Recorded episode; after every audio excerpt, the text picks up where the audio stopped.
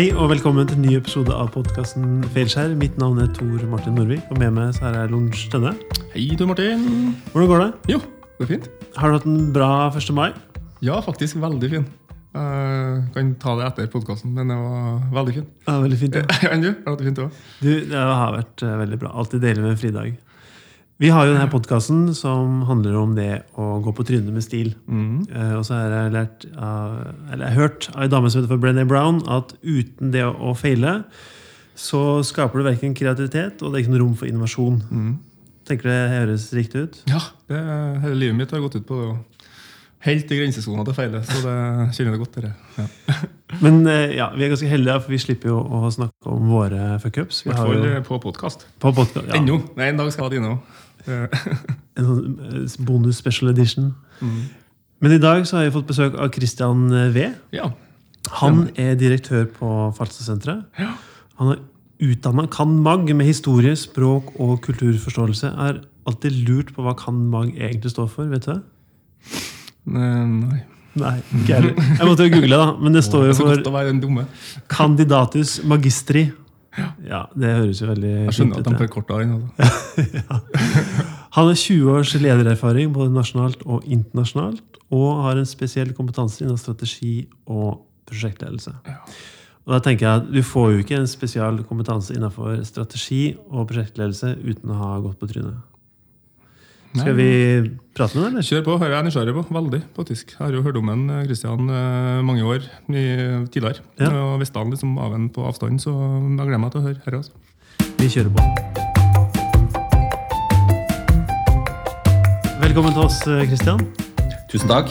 Du, eh, Veldig kult at du ville ta deg tida og komme hit til oss.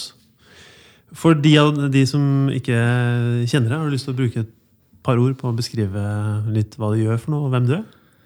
Ja. Jeg heter jo Kristian og begynner etter hvert å bli en gammel mann. Så gammel nå at jeg har begynt å planlagt 50-årsdagen min. Det er jo skikkelig nedtur. Men eh, jeg er direktør på Falstadsenteret på Ekne eh, i dag. Eh, jobber der med undervisning til barn og unge og forskning på andre verdenskrig, menneskerettigheter. I tillegg til at vi har kurs- og konferansefasiliteter, så vi prøver å få flest mulig folk til å komme på Falstad for å lære om eh, historia, eh, og hvordan den er relevant i dag. Så jeg jo da altså Du måtte jo google eh, hva Kanmag sto for. Ja. Kortversjonen er jo egentlig at jeg er lærer. Eh, jeg er lærer, men eh, jeg eh, far veldig tidlig. Som gjorde at det plutselig var vanskelig å ut og reise og ta den lærerjobben som jeg hadde sett for meg eh, jeg skulle, eh, skulle ha hele livet. Kommer jo fra en lærerfamilie, så det var jo egentlig ikke noe alternativ. Nei. Men så viste det seg jo at det var jo det. Eh, Det var jo et knakende dynamisk industrimiljø i Leksvika, der jeg kommer fra. Og eh, kom inn i industrien. Jobba der i eh, to forskjellige firmaer i til sammen en periode på nesten eh, 20 år. Eh, Før jeg da, etter å ha bodd i Midtøsten i fem år eh, og jobba med vann, fant ut at det var på tide å prøve noe nytt. Eh, Og da fikk den jobben på, på Falstadsenteret. Ja. Så gift og har fire barn.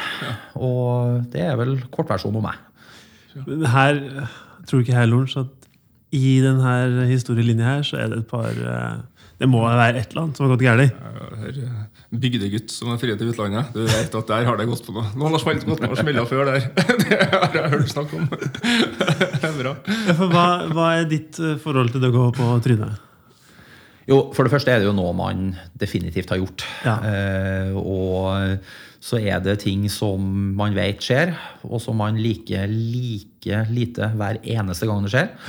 Eh, og så etter hvert som man blir eldre, så finner man ut at det er jo ikke så dumt likevel. da. Eh, man har jo faktisk lært noe av de der eh, feilskjærene man, eh, man har gjort opp gjennom tida. Bør jo iallfall ha gjort det. Så feilskjær, det er det mange av, ja. Ja, men da, Det gir jo en sånn fin inngang det da, til å prate om de her feilskjærene dine. Hvor, hvor skal vi starte? Altså, jeg tror vi starter i businesskarrieren min. For jeg, jeg har jo ei delvis akademisk utdanning, og så har jeg jobba 20 år i business, før jeg så har gått over og jobba i en eh, akademisk organisasjon eh, igjen. Eh, Men jeg, som du sa innledningsvis, så jeg studerte jo kulturforståelse. Eh, utrolig interessant fag. Og det er så interessant de her å begynne å forstå teorien bak hvorfor vi er forskjellige. Mm. Altså hvorfor er amerikanere sånn som amerikanere er? Hvorfor er indere sånn som de er? Hvorfor er kinesere sånn som eh, ja. de er? Og hvorfor er vi nordmenn sånn som vi er? Mm. Så klart, studerte og jobba i internasjonal business egentlig fra dag én. Eh, jeg har vært i godt over 100 land. Jobba med folk fra stort sett hele verden, bortsett fra, fra Latin-Amerika. Og har jo sånn etter hvert ment at hvis det er én ting jeg er god på her i livet, så er det akkurat det. Altså Det er internasjonal business og det å forstå hvordan mennesker er. Hvorfor er du sånn som du er? Hvorfor er du sånn som du er? Og hvorfor er for å ta her i Norge, Hvorfor er han ingeniøren fra Syria som nå har fått ingeniørjobb i Norge, hvorfor er han sånn som han er? Ja. I forhold til en utdanna norsk, etnisk norsk eh, eh, ingeniør. Er det da undervisninga som har gjort deg god på det, eller er det rett og slett at du faktisk har gjort det her i så mange år? Nei, det tror jeg nok er en kombinasjon. Eh, eh, det er både det å ha teorien bak, men òg det å ha fått muligheten til å praktisere det hele tida. Eh, men så er det vel kanskje delte meninger om hvor god jeg egentlig er på det. Og det var vel det jeg egentlig skulle komme til etter hvert her, da. For litt sånn konkret så I 2011 så fikk jeg jo muligheten til å flytte til Dubai. Eh, selskapet jeg jobba i da, Aqualyng, som driver med vannrensing, hadde et kontor i eh, i Midtøsten, som drev med salg, og som òg drev med prosjektutvikling i Øst-Afrika, i Sørøst-Asia og, og, i Midtøsten. Og der var det behov for å få en ny person ned. og jeg fikk den, den muligheten. Eh, dro nedover som salgsansvarlig først. Så ble jeg etter hvert ansvarlig for, for kontoret. Men var det, var det prosjektet der da, saltvann skulle bli til ferskvann? Ja. ja det var det, sant? Ja. Stemmer. Riktig, ja. Det var uh, omvendt osmose avsalting. Rett og slett produsere, produsere drikkevann av sjøvann. Så det er jo fantastisk. Uh, ja. Men ble det starta i Leksvika, da? Ja, starta i en kombinasjon av Vanvikan og Kanariøyene. Ja. Det var jo opprinnelig et uh, Bjørn Lyng-selskap. Det var sånn visjonært, stort sånn visjonært over fra Lyng. Der, ja. at dere der er svaret på mange ting i verden. Både, ja. Ja. Så veldig sånn uh, fin Det er mange år siden. 20? 15? Selskapet du... ble vel starta rundt 2000. Jeg starta der i 2006. Jeg husker på, det var sånn at det første han som prata virkelig om meg sånn markedsmessig. At det der er løsningen. Ja. Spennende. Ja. Så 11 du fikk da den muligheten? Ja, 2011. Eh, Flytta nedover til, til, Midtøsten med familien. Og det var jo en helt fabelaktig eh, organisasjon. Altså, I starten når jeg kom ned dit, så var det 11 nasjonaliteter mm. fordelt på 15 eh, ansatte. Og det var Australia, Norge, Pakistan, India, Storbritannia, USA, Nederland, you name it. Sør-Afrika. Uh, utrolig mye ulike uh, personligheter, ulik kulturbakgrunn. Uh, og som jobba sammen egentlig med ett mål, og, det var å, å, prøve å få denne teknologien ut til, til flest, flest, mulig. Mm. Rett og slett klare å produsere drikkevann av sjøvann. Mm. so far, so good så ble det etter hvert litt endringer i eh, organisasjonen. Eh, nedskalert litt drifta i, eh, i Dubai. Og jeg ble ansvarlig for kontoret. Og så begynner vi å jobbe veldig mye med India. Ja. India er jo et det er jo et kontinent, ja. egentlig. 1,1 eh, milliarder mennesker, eh, snart større enn Kina i, i befolkning. Mm. Eh, og geografisk ganske liten nå i forhold til mange Kina. Og, ja, det er bra, det bra befolkningstetthet. ja. Eh, India er spesielt, syns jeg, med det at jeg har jo jobba en god del i Kina. Kina skjønner du er annerledes. Eh, det merker du med en gang du kommer dit. India er litt skummelt i hermetegn, fordi at uh, For det første så snakker alle sammen strålende engelsk. Ja. Og de har et uh, lovsystem blant annet, som er basert på britisk uh, lov.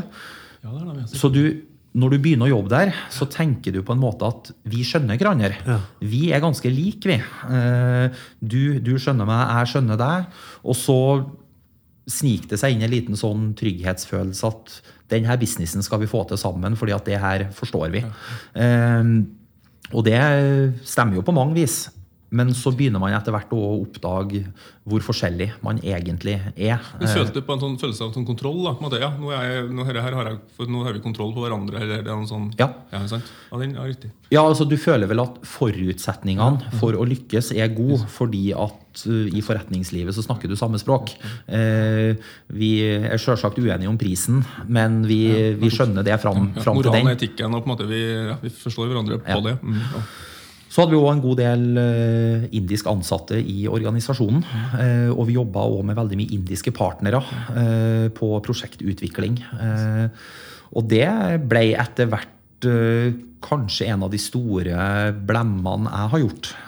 Og det er knytta til at jeg ikke forsto forskjellen på hvordan en norsk arbeidstaker jobber, og hvordan en indisk arbeidstaker jobber. General, generaliserer jo litt her nå, men eh, sånn generelt så er norske arbeidstakere vi, eh, vi liker å få ansvar.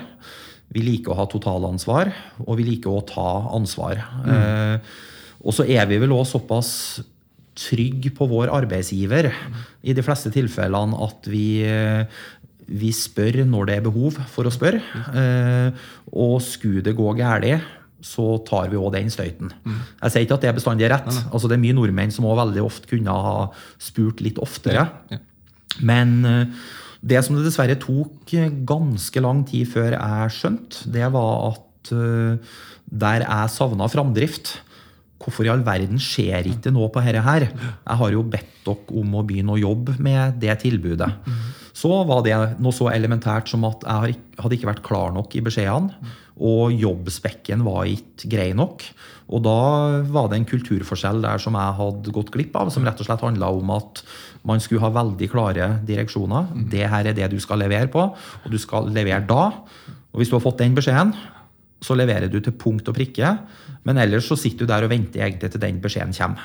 Og jeg sier overhodet ikke at det er galt. Altså Den som bomma der, det var meg fullstendig. Som etter å ha studert, etter å ha jobba med det her allerede da i 15 år, trengte så mange runder på det her før jeg egentlig skjønte at uh, her, eh, her er det en elementær grunn til at du ikke får den framdrifta på, på prosjektutviklinga som, som du ønsker. Ja. Hva, hva blir resultatet av det? da? Altså, resultatet var jo frustrasjon. Det var frustrasjon fra min side. Altså, Hvorfor i all verden skjer ikke noe her? Eh, og så er jo vi, vi er jo litt hyggelige òg, vi nordmennene i forretningslivet. Vi går jo ofte litt rundt grøten. Eh, så de der konkrete spørsmålene med hva er det som er problemet? Hvorfor har ikke du levert på det her? Det stilte jeg jo ikke. Uh, og da var det helt sikkert veldig mye frustrasjon fra andre enden òg. Altså, eh, Ja, for noen- De satt vel ikke med følelsen av at de lurte deg, eller at de benytta seg av noe. De satt bare og venta på hvorfor får ikke jeg gjort jobben min. Altså, de, de var vant til å få en krystallklar bestilling, eh, en jobbspekk, og levere på det. Og sitter sikkert og lurer på hvem han eh, eh, våskaren er, Yes. som ikke klarer å gi klare beskjeder. Eh, vil han bare at vi skal sitte her og, og vente, eller hva, hva vil han? Så det, som kom ned og redde verden han, med sånn ferskvann. Og så Ja. gir han faen meg visjonær. ikke noe med han. Altså det, det, var, det, det tok faktisk noen runder. Og så var det, trakk vi vel alle sammen et lettelsens sukk når vi begynte å forstå hverandre. Eh, at her er, det, her er det behov for en klar jobbspekk. Men jeg håper jo òg at det var litt sånn lærdom andre veien. At uh, man, eh, man må òg ta ansvar. Og at i hvert fall jeg syns det er veldig fint at arbeidstakere kommer og sier at her har jeg fucka opp. Og i vår verden så er det ikke oppsigelsesgrunn. Det er noe du tar med deg videre, og så, eh, og så gjør ikke du den feilen igjen. Men, eh, og, og det er nok en sånn kulturforskjell som er ganske, ganske essensiell. Men tenker du at den kulturforståelsen gikk bare én vei? At her har du undervist deg i å forstå ulike kulturer, og så kommer du ned et sted. Har de gjort noe som helst eh, forsøk på å forstå hvor du kommer fra? Nei, det tror jeg nok egentlig ikke. Eh, jeg tror nok at forutsetningene for norske arbeidsgivere og arbeidstakere til å forstå internasjonal business er større enn det den er motsatt vei. Altså Hvis du sier at motsatt vei er Sørøst-Asia. Ja. Men det er det jommen meg mye grunner til òg. Altså, vi er 5,1 eller annet millioner innbyggere. Vi har ikke noe hjemmemarked. Vi må ut. Men det er klart, er du fra, er du fra India med 1,1 milliard mennesker, eller er du fra Indonesia med 200 et eller annet millioner, Pakistan med 200 eh, millioner, så har du på en måte også ditt eget marked. Ja, og, I nabolaget, liksom. Ja, har kanskje ikke det samme behovet for å forstå hvordan nordmenn gjør, eh, gjør business. Mye, mye å forlange. At de, ja, det er det. Altså. de skal gå tre år. For ja. Gir du ut ei låt som slår an i India, så er det jo popstjerne. Ja. Det, så, nei, så det var det utrolig mye lærdom i. Eh, var det. Og litt sånn Kanskje største lærdommen er den der forventningsavklaringa i forkant. Når du jobber med et internasjonalt team, så må du sørge for at du setter deg rundt bordet, alle sammen, og forklarer hvem, hvem er jeg, hvem er dere, eh, hvordan jobber vi sammen for å oppnå det, det beste resultatet. For det er klart, nå snakker jeg jo om mitt møte med, eh, med eh, knakende dyktige arbeidere fra Sørøst-Asia. Mm. Men vi hadde jo en organisasjon med amerikanere. Ja. Altså, Amerikanerne er jo kanskje veld, veldig forskjellig enn på andre måter. Ja. Eh, og så har du sørafrikanere, og så har du folk fra Australia, ja. og så har du briter. Altså En brite og en amerikaner går ikke nødvendigvis eh, eh, veldig godt sammen bestandig heller. Så den der forventningsavklaringa som, eh, som, leder, den eh, tror jeg er veldig viktig å ta. Men du har jo én fot måte, i det akademiske og én fot i business. Fikk du aldri lyst da, til å ta det du har lært, og gå tilbake på universitetet i Norge og fortelle folk?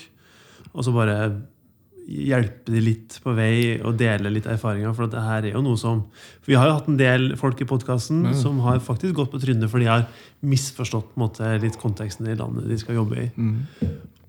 Og med tanke på din erfaring, da, hvor mye ulike kulturer du har vært borti, har, har du noen gang hatt lyst til å bare se litt på læreverket og eventuelt oppdatere det for å liksom ta med dine liksom ferske refleksjoner? Jo, det, det har jeg absolutt. Eh, ikke ikke permanent. Altså, jeg tror nok ikke jeg ville ha vært en lærer som hadde undervist i internasjonal business.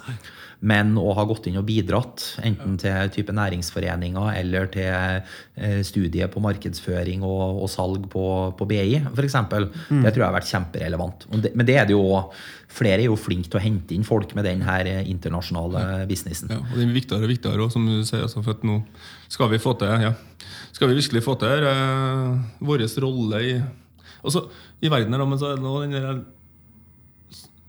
har, har, vi nordmenn, da, eller fra vår del Får vi de ydmyk til å prøve å gjøre business, eller vi, mangler vi ydmykhet? Eller hva følger En ting er eksempelet ditt, men andre eksempler på en måte, er vi for ydmyk, eller er vi for lite ydmyk?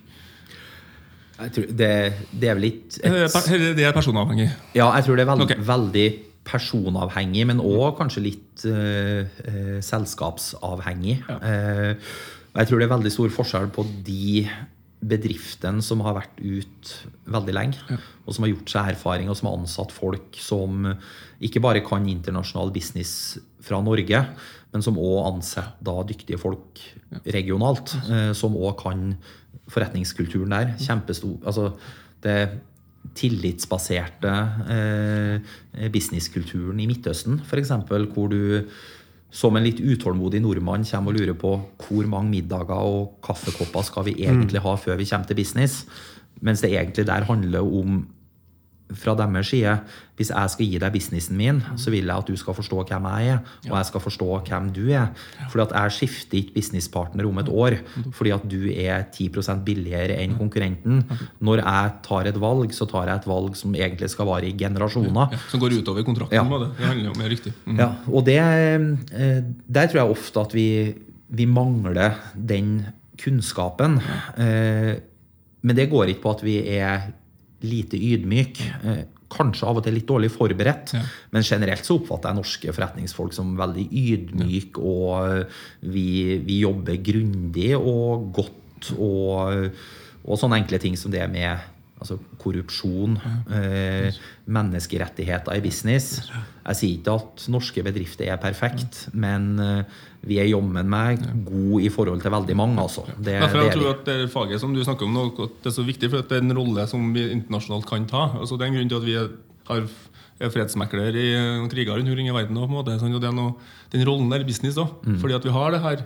Vi har ikke noe hjemmemarked, så vi må ut. Mm. andre er at vi kanskje vi har en eh, ja, Hvis vi blir gode på den forståelsen som vi snakker om nå, så har vi en veldig sånn viktig og god rolle tror jeg, i utenlandske Ja, businessmarkeder. vi bygger en mer- broer mellom folk. ja, sant? For at, ikke at vi er så mye bedre enn hverandre, men vi er liten og ydmyk, og så har vi Jeg tror vi er ydmyke. Så ja, jeg syns det er interessant det å få for at som jeg sier, vi har snakka med flere i podkasten om den fuckupene og smellene som har skjedd. i den, og det er jo, En ting er at vi ikke har så mye kunnskap, men vi har jaggu meg ikke hatt så veldig mye erfaring på dette før nå. Før de siste 20 årene. Ja. 10 årene, På en sånn type ja. Også, men men som, jeg må si én ting relatert til det. da, og Det er eh, en av søsterorganisasjonene til Falstad. Ja. Raftostiftelsen i Bergen. Ja, de eh, har jo et veldig tett eh, samarbeid med Handelshøyskolen. Og de har gjort noe som er utrolig kult. Altså De har laga egne kurs som går på menneskerettigheter for business. Og det syns jeg er en kjempeidé. Eh, For hvis det er én ting vi i Norge skal ha et stort fokus på, så er det hvordan kan vi sørge for å få det her med menneskerettigheter ut? Og der kan businesser gjøre en forskjell. Så det, det, er en, det er en viktig rolle ja, for Ja. sånne som Falstad-senteret. og sånn, ja, Selvfølgelig. Der Å få kobla to er to verdenene. ja, For det handler om forståelse. Altså, ikke, for å, for å la Raftostiftelsen i Salestad for det å få så mye mer business, men for å bli bedre til å forstå. Riktig. Koble, altså, koble historikk og forstå. Ja. ja. Det er en faen jævla spennende link. ja. ja jeg, jeg Det tror må vi det faen meg gjøre noe med oppi her òg, som gjennom Folstad. Ja. Ja. Spennende. Yes. Nei, altså, det var noe litt sånn internasjonalt. Men ja, og da tenker jeg at Når du har jobba så mye internasjonalt med så mange kulturer, og så havner du på Ekne og skal jobbe på Falstad med, i Norge, hvordan er overgangen fra å jobbe med så mange ulike kulturer i et businessperspektiv, og nå skal du gå over til et mer akademisk perspektiv, forvalte en historie? Hva, hva, hvordan gikk den overgangen? Overgangen har vel stort sett gått relativt greit. Eh, og det tror jeg vil skyldes litt at jeg har overbærende kolleger. Eh, som aksepterer at det kommer inn en, en direktør som eh, har en annen, annen bakgrunn. Ja. Eh, men også kollegaer som tenker at det kan jo kanskje være noe å lære eh, av at det kommer inn noen som tenker annerledes. Eh, og så er jeg jo, altså jeg er jo lærer i bunn. Og jeg, jeg har studert historie. Så sånn sett så var det vel Du kan vel si at det var et feilskjær å begynne i business òg. For Ja. at det var jo egentlig lærer eh, å jobbe på en plass som Falstad som jeg egentlig tenkte opprinnelig var, var, var det jeg ville holde på med. Så det er litt sånn tilbake til røttene, Ja, det er litt sånn ringen er sluttet, eh, det der også. Men det betyr ikke at det ikke har vært eh, uproblematisk. Eh, Og da går det jo litt på det at du kommer fra business. Og som vi snakka om litt her i, i forkant at altså business, I businessverden så kan man diskutere seg blå eh, før man tar en beslutning. Men da bestemmer man seg nå er det det her vi står for, nå går vi videre. Eh, og av og til så tar de å komme fram til det beslutningsgrunnlaget veldig lang tid. Noen ganger så skjærer man bare gjennom, og eh, nå, nå gjør vi det sånn.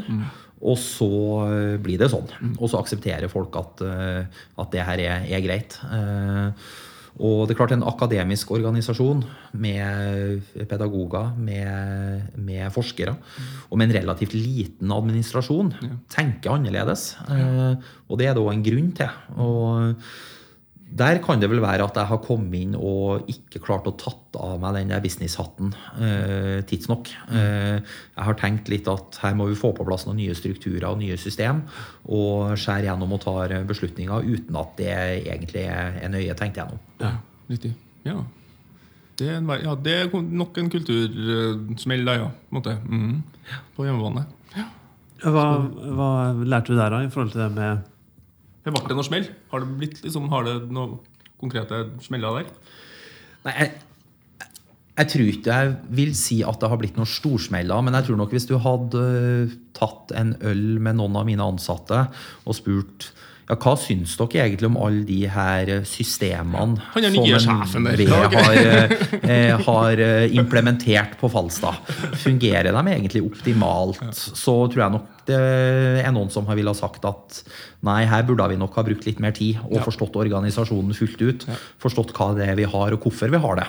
Eh, og så kunne vi tatt de beslutningene etterpå. For det er klart du du kommer inn og så introduserer du eh, digitalt reiseregningsprogram, og du, eh, du introduserer timeregistreringssystem, eh, som ikke nødvendigvis er så godt akseptert i en eh, delvis akademisk organisasjon.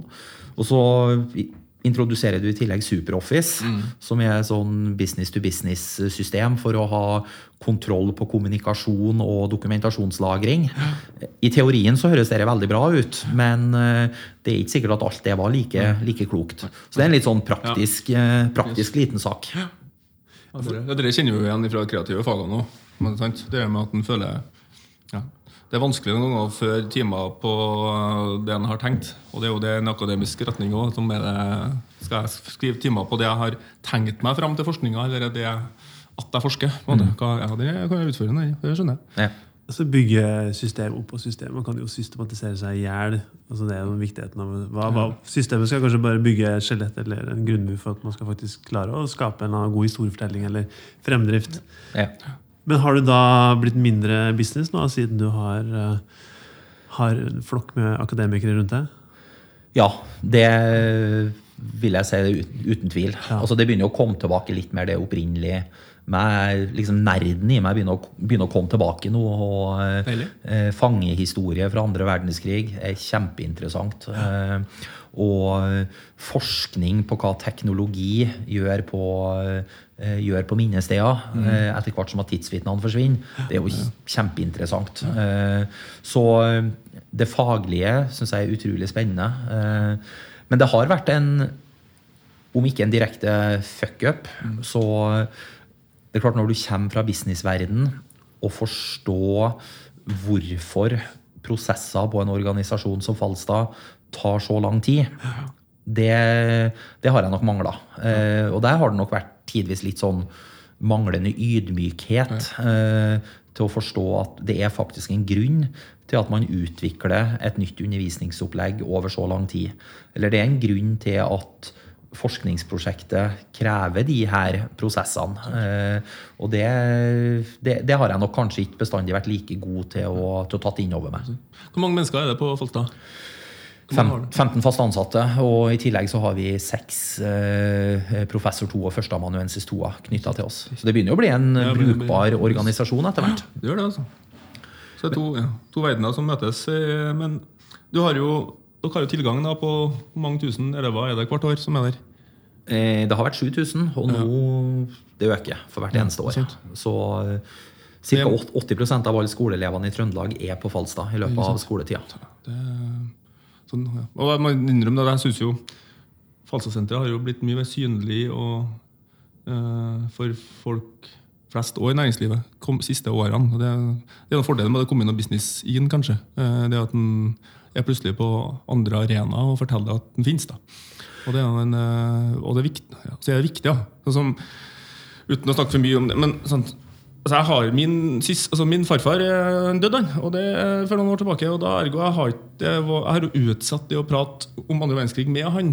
For sånn, til nest, jeg har liksom aldri tatt skikkelig praten med han. Før det var på en måte Men nå, så, så er jeg nå har jeg jo ikke noen å Nei. spørre om det. Derfor så blir det enda viktigere. på en måte, Det er en historikk er det her som er så viktig at vi så Jeg liker tankene med kobling av business. og jeg tror vi må som med bærekraft Vi må på en måte inn i businessen og inn i økonomi, økonomiske modeller. At det gagner oss å bli gode på dette her, som businessfolk. Uh, jeg tror jeg er en viktig rolle. Spennende. Og Men- der er sikkert noen smeller som kommer til å gå på. for at det er to kulturer som skal, Så det er din erfaring med å gå på noen smeller på kulturforståelse kan jo være din største styrke her nå, i forhold til å koble to verdener, business og faget. Ja. Men det er kjempeinteressant at du tar opp uh, her er launch. Uh, for nå tror jeg vi, vi kan gå inn på en, altså en teoretisk uh, fuck-up. Eh, og det er altså, Kall det nå forretning, økte besøkstall, eh, det som av noen vil oppfatte som en kommersialisering. Eh, ikke nødvendigvis for å skal tjene penger på Falstad, men for at vi skal få flere til å komme på Falstad, så må vi være mer synlige. Det høres jo klart I min verden så høres det helt rett ut. Ja, to sekunder svaret. Ja. Flere, som kommer, jo flere får vi prata det. Ja. Men så har du Altså, du forvalter en historie som er vond, som er vanskelig, og som sjøl om våre besteforeldre som kunne ha snakka om det her nå, kanskje ikke er her lenger, så er det fremdeles utrolig nært for veldig mange. Og det er vel kanskje det jeg, jeg hele tida prøver å passe på. Det at alle beslutningene vi tar, må sørge for at vi tar vare på denne arven. Det er klart, Når noen sier at Falstad var vårt holocaust, Yes, så skal man tenke to ganger ekstra over de beslutningene man, man tar på hvordan man bruker et sted som, eh, som Falstad. Jeg, jeg tror vi har klart å balansere det, men samtidig så er det noe vi er nødt til å minne oss på hele tida. At altså, én plass går grensa for hva som er, hva som er greit å gjøre på en plass hvor folk ble torturert, og hvor mennesker ble, ble henretta. Ja. Noen eier sannheten om Falstad mer enn hva deg. Om en, på en måte, og den, den respekten der er faen meg viktig å Ja. ha noe Ja. sånn. Ja. Mm. Så, men jeg, men jeg, tror, jeg tror vi klarer å balansere det. Men samtidig, hvis den dagen noen kommer og kakker meg på skuldra og sier Kristian, kan vi ta en liten prat? For nå syns jeg kanskje dere holder på å gå litt feil. Da skal jeg minne meg på at da skal jeg stoppe opp. For den, den diskusjonen vil jeg helst ikke ha. Ja, eh, dit ønsker jeg ikke å komme. Ja. Men Betyr det at du har på en måte laga deg en slags sånn fuck-up-strategi på det? det at, og hele tida vite at du har folk rundt deg som tør å ta den praten før den praten må komme? Ja. Ja, og det går, det går rett og slett på kollega. Ja, altså, det, det her, den der tverrfagligheten i en organisasjon som Falstad er, er nesten helt unik. Altså, du har, vi har jo ansatt en ø, prosjektleder for Destinasjon Falstad, som nettopp skal jobbe med å få flere til å komme og besøke Falstad. Men samtidig så har vi forskere som forsker på nasjonale og internasjonale minnesteder, eh, og som sitter og jobber med det her hele, ti hele tida. Og som er veldig snart til å fortelle det her er ikke greit. Her trår vi over eh, noe. Og det at, at vi ikke springer av gårde for fort akkurat på det området der, Ja, er det- kjempeviktig. Ja, ja. Det skal ikke bli sånn Machu Picchu-tilstander der at plutselig så har de ja, kan ikke de ha flere eh, turister her, for at det har blitt trampa sunt, rett og slett, det som er egentlig fint å se på. Mm. Ja. Ja. Og det der er en grensesonen der er spennende, altså. Ja. I forhold til det du sier der, har dere gitt dere selv rom for liksom feiling? Når det kommer til det å utvikle historiefortellinga på Falstad? Har dere liksom snakka at nå skal vi gjøre noen tiltak her, og det kan godt hende at noe av det funker kjempebra, og noe funker ikke så bra? Har dere, eller er det sånn at nå trør dere så forsiktig frem for å på en måte være så risikoavers? da? Prøve å, På grunn av at det er Falstad, og det er en historie som måte kan være tung for folk å og eh, tenke kreativ historiefortelling på. Nei, jeg tror i dag så er måten vi bruker Falstad som eh, formidlingsarena eh, Den er for det første utrolig godt gjennomarbeida, og den er òg veldig akseptert. At det er, det er måten å gjøre det på. Eh, Og da tenker jeg spesielt opp imot elever. Eh, Men det er klart at unnskyld, men utstillinga av Karno den er utrolig flott med den tegneserie Det at den har brukt tegneserietegner til å fortelle historier der. Og hele den der interaksjonen som er på det. Det er en fantastisk læringsarena. Er Ja, og- altså, jeg liker den. altså. Veldig. Det er jeg glad, glad for at du sier. fordi at For dere har, dere har torra noe der. Ja. Og for meg så er det noe litt sånn i sant, For at dere, den måten å fortelle den historien på Det kan være noen som tenker at dette er ikke seriøst nok, men det er så gjennomført og så fint. og Det er så, det enkle virkemidlet. Få inn en så tegne tegneserie. Ja, altså, Også, hvis, du, hvis du besøker Falstad, altså en stor kontrast mellom den utstillinga og den du finner i kjelleren. Ja. For den du finner, i kjelleren, er jo det du forventer av en sånn type utstilling. Her skal vi se dunkel belysning, vi skal se på en måte alle navna som har dødd. Og det er på en måte en sånn måte man Det er en sånn eh, eldre måte da, å fortelle om krigen på. Mens det dere har gjort på en måte i, ved siden av inngangen der, hvor dere har brukt skap. Og det skaper en helt annen interaksjon i historiefortellingen deres. Det er jo veldig veldig kult. Og det er jo som interaksjonsdesigners drøm, dere som har på en måte brukt de fysiske greppene i forhold til hvordan man egentlig jobber med digital kommunikasjon. og hvordan, ja. Jeg syns det var veldig smart som faen. dere. altså. Men, men det er et interessant tema, det her. Fordi at eh, Falstad, og nå snakker jeg om ei tid som eh, eh, er lenge før jeg starta der. eh, Falstad har hele tida vært i forkant. Ja, altså Hvis du sammenligner Falstad med minnesteder nedover i Europa, så har Falstad våga å tatt tak i de vanskelige historiene på en helt annen måte enn det de kanskje litt mer kjente minnestedene nedover Europa eh, eh, har gjort. Der har det vært snakk om ei standardfortelling. Eh, og det har det blitt støy rundt, historisk. Det har det. det. Det er jo ikke alle som mener at man skal eh, bruke historien for å eh, kommunisere om dagsaktuelle tema, f.eks. For eksempel, fordi at det her handler om minnene til fangene. Og det er, det er veldig legitimt å mene. Eh, nå skal vi i gang med kommandantboligen vår. Altså bygg som ble bygd av fanger, designa av fanger eh, fra gamle NTH. Eh, der skal det lages ei utstilling som heter Maktens ansikter, som tar for seg overgriperen. For det var der han sjefen sjøl Ja, det var der leir, leirkommandanten satt. Stemmer. Og det er klart, det å skal begynne å se på overgriperne, Yes. de tyske fangevokterne, menneskene som var ansvarlig for at nordmenn, jugoslaver og sovjetiske krigsfanger ble henretta i Falstadskogen, der ligger det brannfakler. Fordi at det kan jo være at man finner noe som sier at det var ikke alle av dem som var så gærne. Ja, og lysten til å framstille dem som noe jævla. på en måte. Ja. og så er det, jeg tror, nest, så er det nesten, uten å slenge bort i det, men det er nesten det motsatte som er viktig. Det å vise at dette var egentlig bare folk, det òg. Ja. At det er eh, at det dessverre på slump kanskje mange av dem havna i det der eh, faenskapet nå. Ja. Ja, noen var die hard idealister som hadde en plan. Og bowlingbane i kjelleren, vet jeg. ja, bowlingbane i kjelleren og eh, tysk bistube. Og det, var, det var ikke noe mye bygg med den standarden på Ekne i 1943-44. Altså. Jeg var jo oppe her og kikka når de holdt på å skulle rive Ja. huset. Og det var, en det var byggekonstruksjoner som de aldri hadde sett maken til før. Og hvorfor det? på en måte. Og kanskje det er fordi at det var fanger. Mm. Så du, du måtte du, må, du kunne gjøre det grundig, for de hadde ikke travelt. Nei. Du måtte bare gjøre det og sto noen og sa ja, gjør om igjen, eller gjør flere ganger. Og det var sånn dobbeltsikring overalt. på en måte, Det var helt sånn ekstremt. Og det handler jo om selvfølgelig, det var ingen som, det var ikke noen sjef som sto over og sa pass på, du holder oss innenfor kostnadsrammene. For det var bare, ja, du hadde en gjeng slaver. Ja.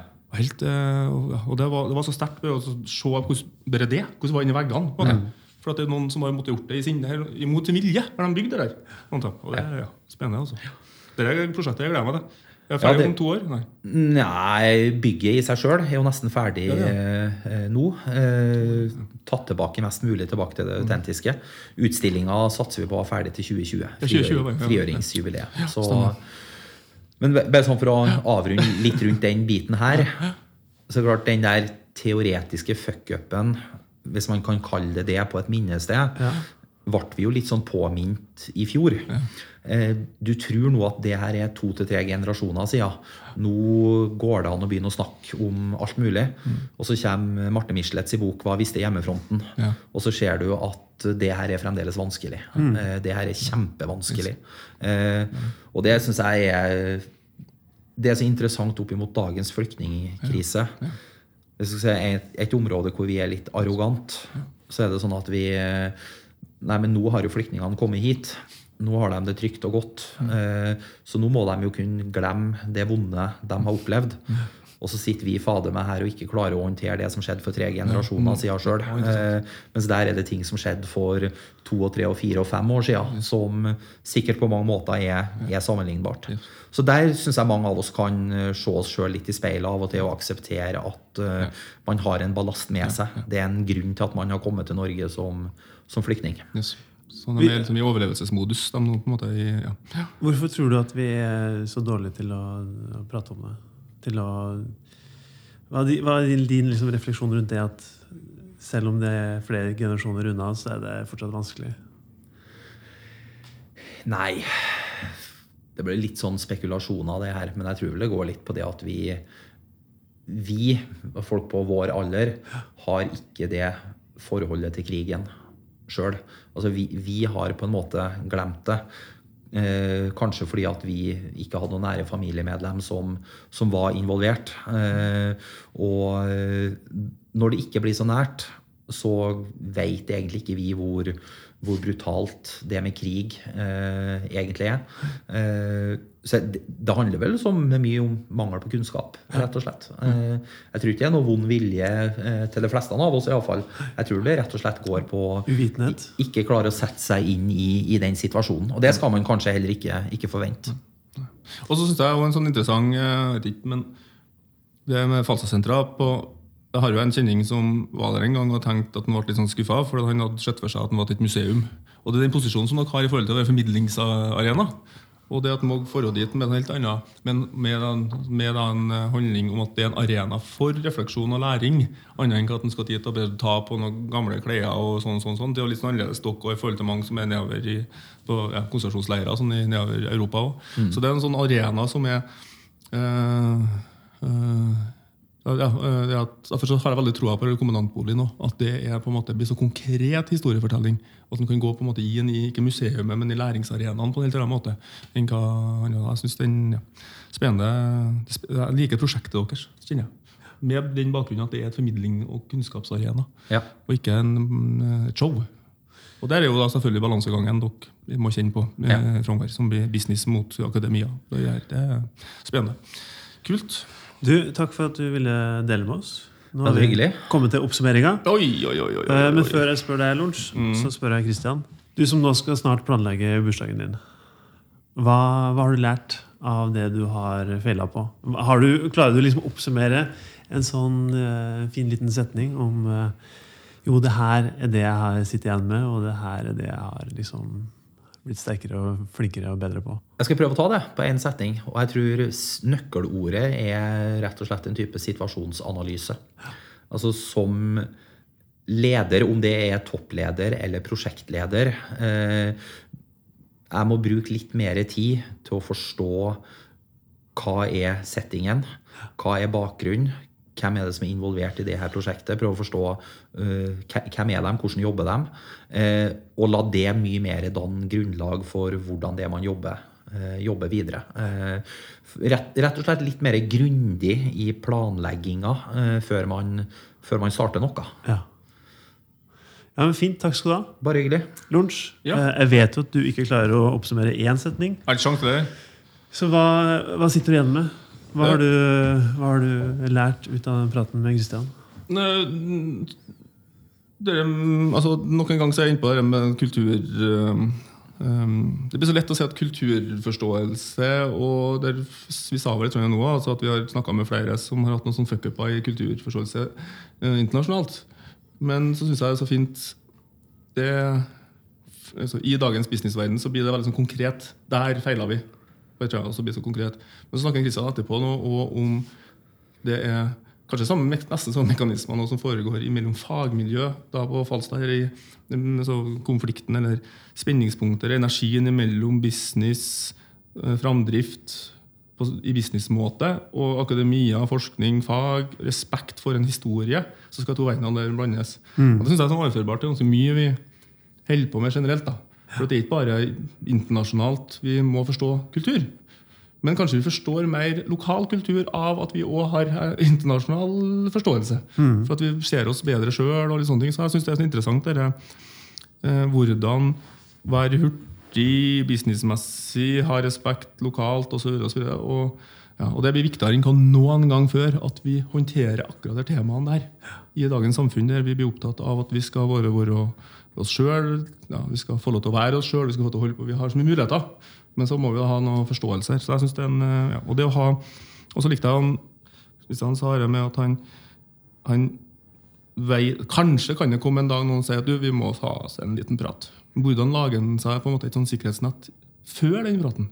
Den her, den, og den øh, øh, er noe alle sammen må bruke som en positiv strategi noen ganger. Ikke kynisk strategi, men positiv. Det at en tør å teste grenser. Hvis jeg vet, stoler på folk rundt meg som sier ja, nå, to steg tilbake. Steg tilbake nå, men fortsett. fortsett. Men litt tilbake, litt tilbake. Og Finn de menneskene der. Her organisasjoner modell da, som gjør at du har en sånn system rundt deg. Da tror jeg vi får veldig sånn framdrift i tingene. Så jeg likte, jeg synes det var en fin, eh, fin runde her. Altså. Enn du? Jo, du, det der var jo verdens lengste setning. Ja, stemmer. Men det var fint, det. Er mann uten punktum. ja. Jeg, jeg, jeg syns det er kult å vite at selv om han har 20 års med ledelseserfaring, så er jo fortsatt Så driter den seg fortsatt på forståelsen av folk. Ja. Og det er noe med at, For det er vanskelig. eh, Og det er forskjell på nordtrøndere og sørtrøndere. Det er forskjell på businessfolk og akademikere. Det er afrikanere, amerikanere, britere. Og det, er, eh, det krever ganske mye, tror jeg, å, eh, å gå inn i det med en sånn ydmyk holdning og gi seg selv god tid og prøve å forstå de partene. Som han sa, denne situasjonsanalysen. Den er jo kjempeviktig. Det er jo litt det vi også driter oss noen ganger. Det at vi, vi forstår ikke kundene våre godt nok. Fordi Hør her, kjære kunde, vi har jobba med reklame i så mange år. Det her kan vi.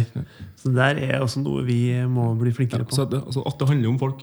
Altså, jeg har sagt det en gang før podkast og kanskje nettopp til at da har nettopp sett Ajax spille fotball. Og nå har de gjort det igjen og slått fotball, fotball, gode fotballag. Det er unge gutter som bare vil masse mye. masse, Så sa han kommentatoren at det er kulturen de har fått inn der, i at det er lov til å feile. Ellers så har han tapt. For at de har ikke, Det er ikke de beste fotballspillerne, og det er ikke det best betalte osv. osv. Men de har slett en kultur at du må tørre å prøve hele tida. Det gjør at de faen meg kan vinne hele fucking Champions League. Ja. Det Ja. ja, fint.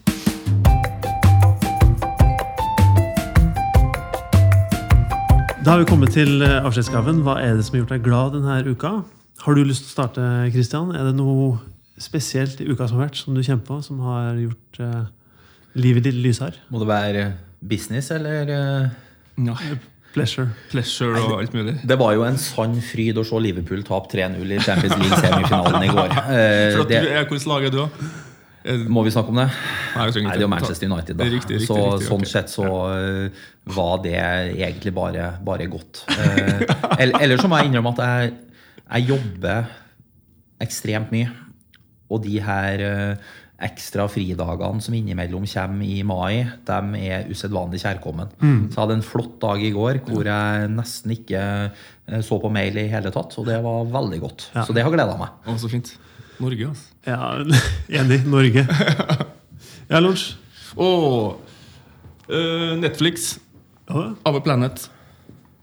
Det er David Nettenborough. Seks episoder om rett og slett planeten vår. Den ser jeg. Og jeg har sett den sammen med min sønn nå i tillegg, og ja, det er fantastisk. Det ser jeg den. Ja, jeg har sett to, to første episoder. Fin, ja. Ja, den er kjempefin. Men det er også mye smelting av is. Ja, Vi må skjerpe oss. skjerpe oss. Ja. Snør nå. Det snør nå. Ja, det er helt vilt. Ja, den Outplanet, Our den eh, ja. Det er den, og så er det alt av dokumentarfilmer på NRK. De har gjort meg glad i siste tida. kjenner. Ja. Ja.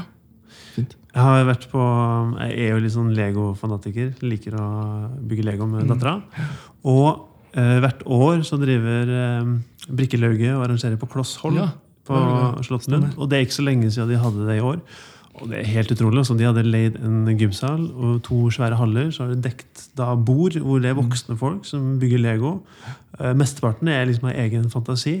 Og det er pariserhjul som er liksom to-tre meter høye. Og du har liksom båter som er drevet rundt på magneter. Det er jo liksom ingeniørkunst på liksom høyt nivå. Yes. Jeg, bare, jeg skjønner hvor morsomt det må være for de da, å Ja. bare bygge de utrolige liksom, kreasjonene sine. Og så er det kult å se for at eh, de åpner for at folk skal komme og se på, og så blir man inspirert og bare tenker at her er det, det er jo kjempegøy. Så på kloss hold, bare se opp for det neste år, for det er virkelig verdt eh, å ta turen dit. Apropos fuckup, der du omtaler alle å dykke i historien til Lego og fuckupene som de gjorde en periode i forhold til at de glemte kjernen i Lego. Men det jeg jo hatt en egen episode. Det, ja. Økonomisk storsmell gikk de på, for at de begynte å bygge Lego. De trodde at unger ville leke med Lego i stedet for å bygge. Så de begynte å selge Lego-sett med kun seks eller fire brikker. Og Da gikk omsetninga helt ekstremt ned. Så måtte de tilbake til misjonen sin, som er at de skal, bygge, de skal utdanne morgendagens byggherrer. Er misjonen deres. Og Visjonen husker jeg ikke helt på nå, men misjonen det, er det, og da måtte de tilbake til å selge eh, Lego med 170 eh, klosser i stedet for 6. Ja, og det, da snudde de hele skuta. det er sånn det er. Det er morsommere å bygge enn å leke med. Yes. Det er stor frustrasjon til oss foreldre, da, for at vi må kjøpe ny Lego hele tida. Ja, det er jo så gøy. Det er det. Koster i skjorta. Tusen takk til dere som har hørt på oss eh, så langt, og takk til deg, Kristian, for at du ville være med. Hvorfor skal folk eh, komme til deg og besøke Falstadsenteret?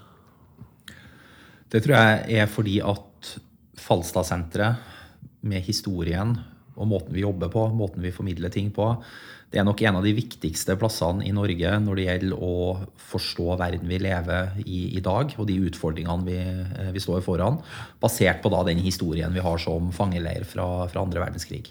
I tillegg så er det veldig mye fint å se der. Ja. Altså, det er tre-fire utstillinger. Vi har en digital rekonstruksjon av fangeleiren fra 1945 som er unik i europeisk sammenheng. Så det er, det er et sted Mange oppfatter det som et sted som er veldig tungt og mørkt. Og det er det i og for seg. Men vi har òg seks-sju år gamle unger som er der og syns det er strålende å få lov til å gå rundt med den digitale rekonstruksjonen. Så tror jeg vi sånn Vi har gått i en hektisk hverdag og faktisk dra ut på Ekne av og til og gå og kjenne litt på det der vonde som, eh, som ligger i ei relativt nær historie. Og så har dere masse fantastiske møtefasiliteter. til Ja, det, folk det har vi også. ja, Fylkesrådet var vel der nå nylig? var midt på, hadde, ja hovedutvalget til Stemmer. eh, Trøndelag fylke var der i forgårs. Ja, veldig bra. altså. Nei, det er veldig gode fasiliteter. Så jeg tror, det ja, bra. Vi har jo vært der og spist i lunsj. Ja, det har vi. Det var en sykt fantastisk god mat. Ja, egentlig. ja, er flink. Ja, fint. Men eh, fint at eh, du tok deg tida å komme og prate med oss. Det setter vi veldig pris på. Neste uke så skal vi prate med en eh, filosof. Oi! Han heter for Dagfinn Dybvig og kommer fra NTNU. Han har skrevet om det tenkende mennesket. Eh, det skal ikke vi prate om, vi skal prate om det feilende mennesket. Så jeg håper at han har noen gode refleksjoner rundt det. Og hvis du som hører på, hvis du har en historie du har lyst til å dele med oss, så bare ta kontakt med oss på feilskjær.uredd.no og send oss en mail, så skal vi få fuckupen din opp og frem i lyset. Og trykk gjerne subscribe, for da slipper du å laste ned hver episode manuelt. Denne podkasten er produsert av Uredd og Lydspor Media og kommer ut hver mandag. Så ha en fin dag, da. Ha det.